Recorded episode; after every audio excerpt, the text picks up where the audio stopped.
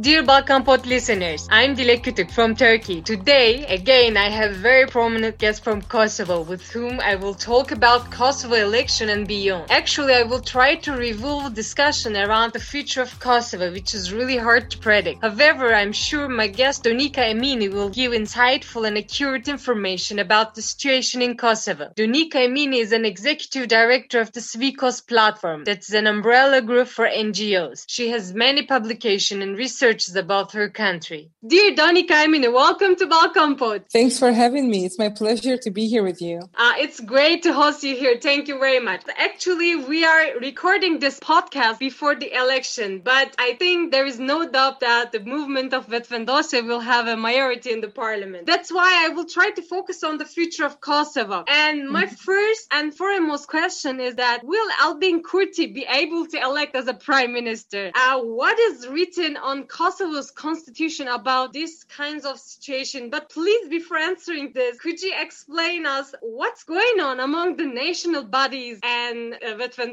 Uh, it has been quite quite an eventful uh, month, to be honest, and uh, this is after the constitutional court, which prohibited uh, Albin Kurti from running for an MP because of a conviction that he still has. It's an active one uh, that will last until September. Uh, just to be clear, he is convicted for the tear gas in the parliament when he and his party were fighting against demarcation agreement with Montenegro, but also the Association of Serbian Municipalities. Uh, back then, Kurti was in the opposition. Then, uh, of course, after the decision of the Constitutional Court, the Central Election Committee followed the uh, the opinion and left Kurti outside of of the list. It was a period of accusation, uh, accusing both Constitutional Court but also the Central Election Committee uh, for being uh, uh, captured by the old ruling elite. So there was a period of tension until uh, Vetëvendosje literally went through all the steps, used all the existing mechanisms for complaints, and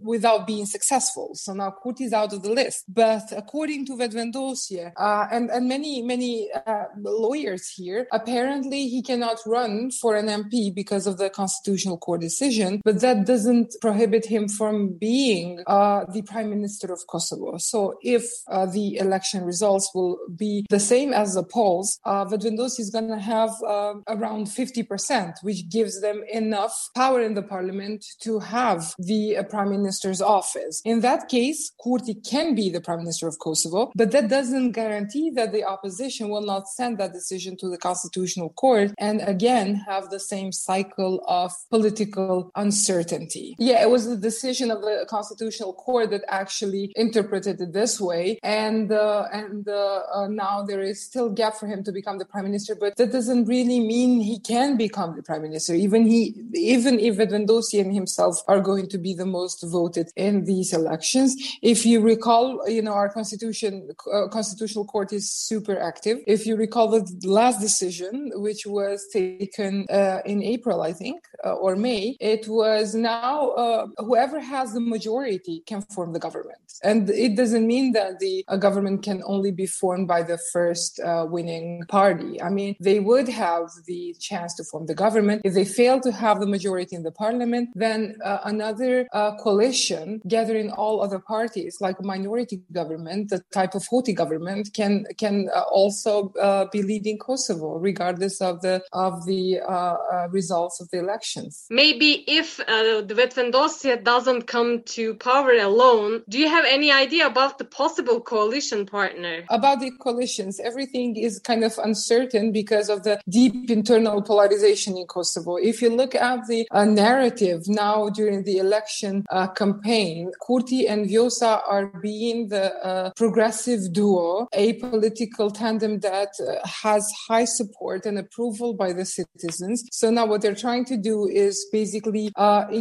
increase uh, the the amount of support as much as they can so that they can uh, translate it into the majority in the parliament. If this doesn't happen, uh, then uh, the first option is if Vetëvendosje goes more than 52 uh, or 3%, they can form the uh, coalition with only minorities, but non-Serbian minority, because uh, the Srpska Lista is um, now actively lobbying against Vetëvendosje and pro-LDK and PDK. uh, this is kind of interesting development. Uh, so they can form the coalition with other non-Serbian minorities in the parliament. If this is not enough, then the first option that has been discussed in Kosovo is to be coalitioning with uh, Ramush Haradinaj, uh, the, the AAK. And that's uh, more likely to happen because Haradinaj does not have uh, uh, ambitions to become prime minister. Since the beginning of, of, of the electoral process, he uh, made it clear that he's running for a president because we are going to elect the president as well. So for him, he is offering the 10% that they are aiming 8 to 10% of the votes in the parliament are going to be offered to whoever can form the government and give him the president's position. There is the less likely coalition to happen with PDK. But many, many of the people are kind of keen to see this because PDK does not have the uh, uh, management, management, the heads, which were problematic for Vetëvendosje back then to cooperate with, like Thaçi and Veseli. Uh, so the rest, uh, if uh, uh Vetëvendosje always stated that if uh, PDK reforms, then we have no problems to cooperate with them. And the least likely coalition is a potential cooperation with LDK because there are deep deeply polarized from uh, what happened during the LDK Vetëvendosje uh, coalition, uh, the 50 days in power and the overthrow of the government. As far as I understand, Srpska Lista, uh, which is the biggest majority political party in Kosovo, is seeking to ins- install member of parliaments who are sympathetic to it among 10 seats reserved for other non-majority communities in the parliament. Do you think that Srpska Lista has concern about what Vetëvendosje government? What is the Vetëvendosje's attitude toward Serbs in Kosovo? Uh, it doesn't really matter for Srpska Lista what what uh, approach is towards uh, the Serbian community in, here in Kosovo. I mean, if you look at the the way that this list actually functions, it is here to serve as a Belgrade presence in in, in Pristina, uh, but it doesn't really necessarily represent the needs and of the citizens in, of Serbian citizens in Kosovo. So for them, it's rather less important what Kurti or Osmani would do for the Serbs in Kosovo. It is more important to maintain the the uh, old ruling elite with which they had a very solid cooperation. Uh, so uh, for them, it's more politically convenient to continue having the old ruling elite. They are persuading other members from because in, in Kosovo the parliament has 12, uh, 20 reserve seats for the minorities, 10 being for the Serbs and, and 10 others for the rest. They are persuading people even from the rest of, of the minorities to actually join them. We are we are kind of calculating that Srpska will, will have uh, 12 to 13 um, MPs in, in, in the parliament, which then is concerning because they will be sort of monopolizing political representation of the Serbian minority, but also other minorities, which is then very problematic. Uh, uh, there are some other um, uh, Serbs actually running these elections, but here in Pristina, we never heard of them. I mean, for, for us in Pristina, it's only Lista Srpska because they have the capacity and uh, to capitalize capitalize the vote. The rest of the candidates are rather silent or too weak to actually compete to this.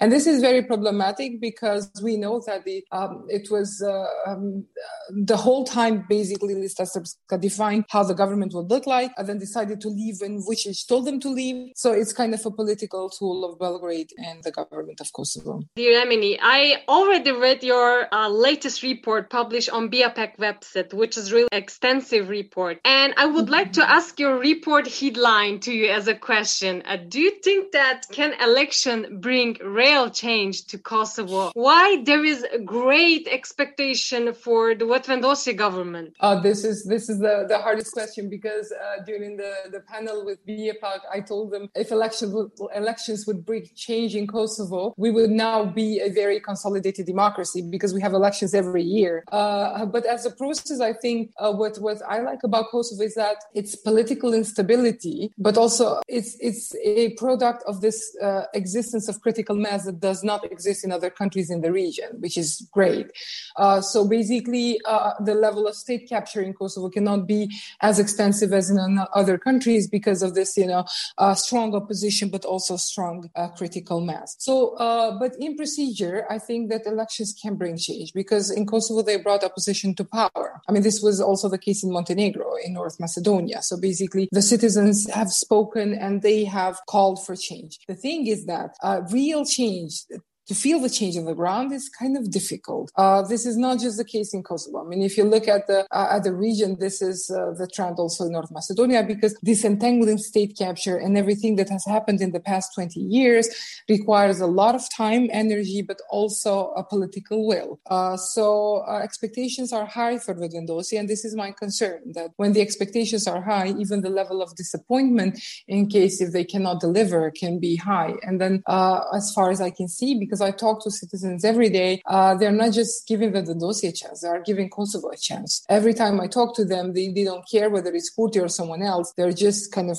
wanting change. They're trying to give another chance to Kosovo and and wait and see if things change for good, and if not, to leave or to make other decisions. Uh, so um, my answer would be that uh, to see real change on the ground would take years, would take a lot of energy, time, and political will. And uh, Vetëvendosje is taking the country in, I think, what's uh, known as the deepest crisis, multifrontal crisis, because uh, we are dealing with uh, political crisis, constitutional crisis, institutional crisis. Uh, we are dealing with socioeconomic crisis, and to revitalize everything, what happened since COVID, but also disentangle state capture would require a lot of uh, effort, for which I don't think not Vetëvendosje nor any any other party would have uh, to do within one mandate. And and this is the the problem that we are going to deal with after the elections, because uh, um, there is a perception in Kosovo that after Sunday all the problems will go away and then uh, everything would be uh, solved and then Kosovo would be set straight and there will be disappointment when they realize that this is not necessarily the case. For many years, you know, like Turkish President Erdogan enjoy a close relationship with former President Thaçi and the government mm-hmm. approved by him. And however, I think balance of power will change in Kosovo after the election. What are your expectations about the relations between two countries, Turkey and Kosovo? Uh, what what we also, I mean,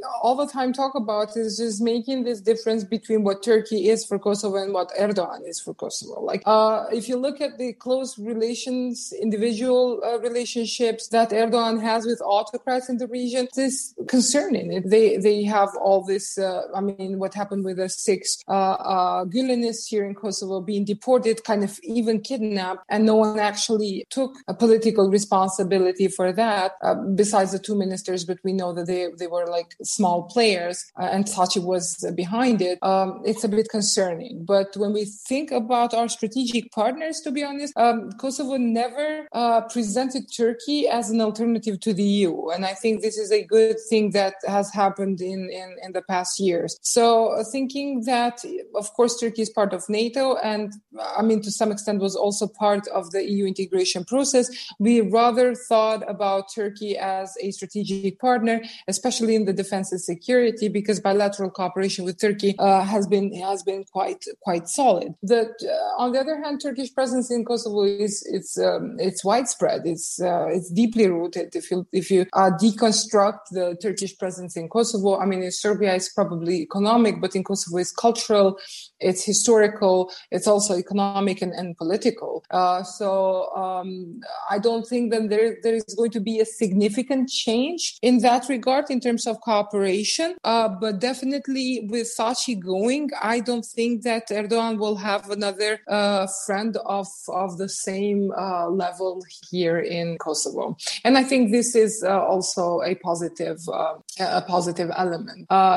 cooperating between states, whether there are Thaçi or Erdogan, should should exist, but not to the extent that it becomes a process of two individuals trying to stay in power and work in in, in their benefits. In the morning, I saw very sad uh, news about the unemployment rate in Kosovo. The number of women seeking job with higher education degree in Kosovo is higher than the number of men. And unemployment mm-hmm. women outnumber unemployment men. Also, if I compare Slavic woman and Albanian woman, the unemployment rate of the wo- Albanian woman is much higher than the Slavic woman. So my question is uh, how Albanosphere will solve the problem of women's participation in business life? What are your expectations from politics as a young and influential woman? Oh, it's very hard. I mean, if you look at the, how we developed in the past years, basically we used quotas in the parliament, but also there is a law on gender equality which ensures 50-50 representation of women women uh, in in and not just in the in the public institutions but also in private enterprises. And this is uh, this has been quite a debatable issue. Um, i mean this is what what the states and what the mechanisms have been built by the uh, by the kosovo institutions of course with the pressure from women uh, advocates and international community. But the thing is that you know this is hardly hardly um, respected and implemented in in real life. If you if you look at the for instance let's start because we are going through elections let's start with list of candidates because we have open lists and you can basically see and vote for five candidates, up to five candidates for the for the MPs. Only Vetëvendosje managed to get to uh, around 40%. Even them don't have 50-50% of of um, of the list uh, representing women and men equally. And the other list, they barely went to 30%, and that was, you know, basically claiming that they are respecting the gender quota set by law. If you look at the the position of women in general, it has it has been quite hard. First, because there is a high rate of unemployment, and usually this discriminates women. On the other hand, there is, uh, of course, the COVID nineteen pandemic, which has hit women even worse than uh, uh, than men. Uh, this is mainly because women have led small businesses, businesses which uh, are, are, based on services, and and these businesses uh, had a real hard time and struggled a lot to basically keep going during the the one almost one year of the pandemic, and there was very very limited assistance provided uh, by the government and and some international donors through small grants, which were kind of surviving more than uh, helping them to uh, to thrive or expand. Uh, how are we going to uh, to fix this? I really have no idea. I mean, if you look, I mean, I'm again starting with the political campaign, how much little space women get in the public uh, life, it's it's concerning. I mean, and we have brilliant women who then, if you look the stats in education, basically more women get edu- get educated than men, but then the the uh, job market basically basically discriminates them, which is uh, very very uh, a hard thing to see. Uh, what happened last year, for instance, uh, with the with the Kurti government, they tried to have women experts in in the in the uh, government, and I hope that this will continue. Kosovo is not a patriarchal society, to be honest, because the second most voted person uh, in the last elections was Vjosa Osmani. And I could see people really not uh, being bothered by that and supporting women, uh, but uh, that's only for those who actually are already successful. And, and but the road to becoming successful or to that point is very hard and rather not so supporting, uh, unfortunately. Honestly, uh, as I said, it's going to take a multi-frontal approach about which requires a lot of engagement from all sectors, even private sector as well, because sometimes the working environment for women is just not fit. And uh, now I think even with these elections, there is a lot of issues related to women, such as the maternity leave, but also the assistance for unemployed women is kind of uh, circulating around, showcasing that might potentially be a um, priority in the next government. Dear Donika, thank you very much for being here. I hope it was very informative discussion for our listeners, and I'm really very happy to meet you. Uh, thanks a lot for having me. It was a pleasure to talk to you, and I hope we will manage to meet after the pandemic is over. thank you very much. Goodbye. Dear listeners, see you next week, same day and same time.